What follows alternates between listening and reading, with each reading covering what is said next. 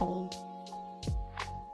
Salamlar herkəsə. Bugünkü epizodumuzun mövzusu soyuq yoxsa isti duşdur. Soyuq və isti duş mövzusu ümumi olaraq müzakirə olunan mövzulardan deyə düşünürəm. Əsasən də insanların günlük rutinlərində nə zaman isti duş almaq lazım, nə zaman soyuq duş almaq lazım ümumi olaraq hansı daha faydalıdır bizim üçün. Bunları müzakirə etmək daha yaxşı mövzudur deyə düşünürəm. Çünki hər birinin öz daha düzgün zamanda almaq ümumi olaraq həyat fəaliyyətimiz üçün daha faydalı olacaq. Gündəlik olaraq rutinlərdən danışanda çox vaxt səhər rutinlərinə baxanda insanlarda var bu, yəni səhər tezdən oyanıb soyuq duş almaq. Ümumi olaraq məntiqlidir. Soyuq duşun bir çox faydası vardır. Yəni həm ümumi olaraq adı soyuq su olduğuna görə səhər oyandan sonra insan çox soyuq duşu özlərinə gəlmək üçün bir növ bədənimiz ayılsın deyə istifadə edirlər, hansı ki məntiqlidir. Bundan əlavə olaraq müəyyən qədər arıqlamağa da faydalı olduğunu deyilir. Tam da bunlar barəsində konkret bir şey demək mümkün deyil, amma ümumi olaraq faydalı olması ehtimalı daha da yüksəkdir. Çünki burada əsas məntiq odur ki, biz soyuq duş qəbul etdi, bədənimizin temperaturu aşağı düşür və ürəyimiz bədənimizə yenidən temperaturun qaldırmasını daha da çox bir növ iş fəaliyyəti görməyə başlayır və bu da müəyyən qədər kalori yandırmağa gətirib çıxarda bilər, amma bunlar sözsüz ki, çox cüzi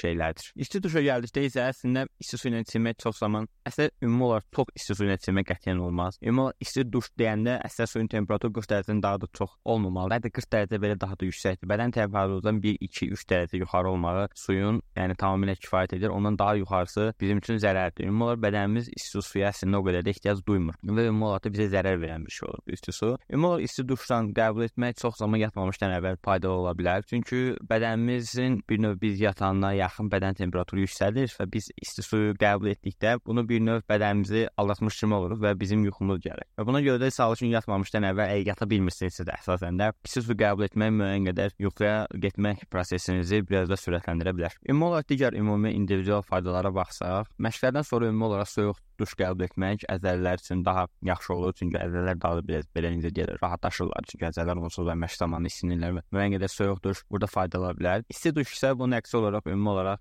günün yorğunluğunu atmaq üçün, daha rahatlaşmaq üçün isti duşunda öz üstünlükləri vardır. Ümumi olaraq hətta hər ikisinin öz üstünlüyü vardır. Burada əsas məsələ odur ki, məqsədimiz nədir və nə zaman duşu qəbul edirik. Yəni səhərlər duşu qəbul edirsə, idmandan sonra duş qəbul edirsə, soyuq duş daha yaxşıdır. Yox ki, ərzində axşam evə gəlib günün yorğunluğunu atmaq və ümumi olaraq yuxumuz yuxu qəbul etməmişdən əvvəl bir daha yuxumuzun gəlməsi üçün daha faydalı olması istifadə ediriksə, isti duş daha faydalıdır. Ümumi olaraq saçlarımızla bağlı bir mövzu toxunmaq istəyirəm. Çünki saçlarımız sudan çox təsirlənən bir hissəmizdir. Qısaca onu demək demək istəyirəm ki, qətiyyən və qətiyyən isti su, çox isti su ilə saçlarımızı yumaq olmaz. Çünki saçlarımızı bu isti su yandırır.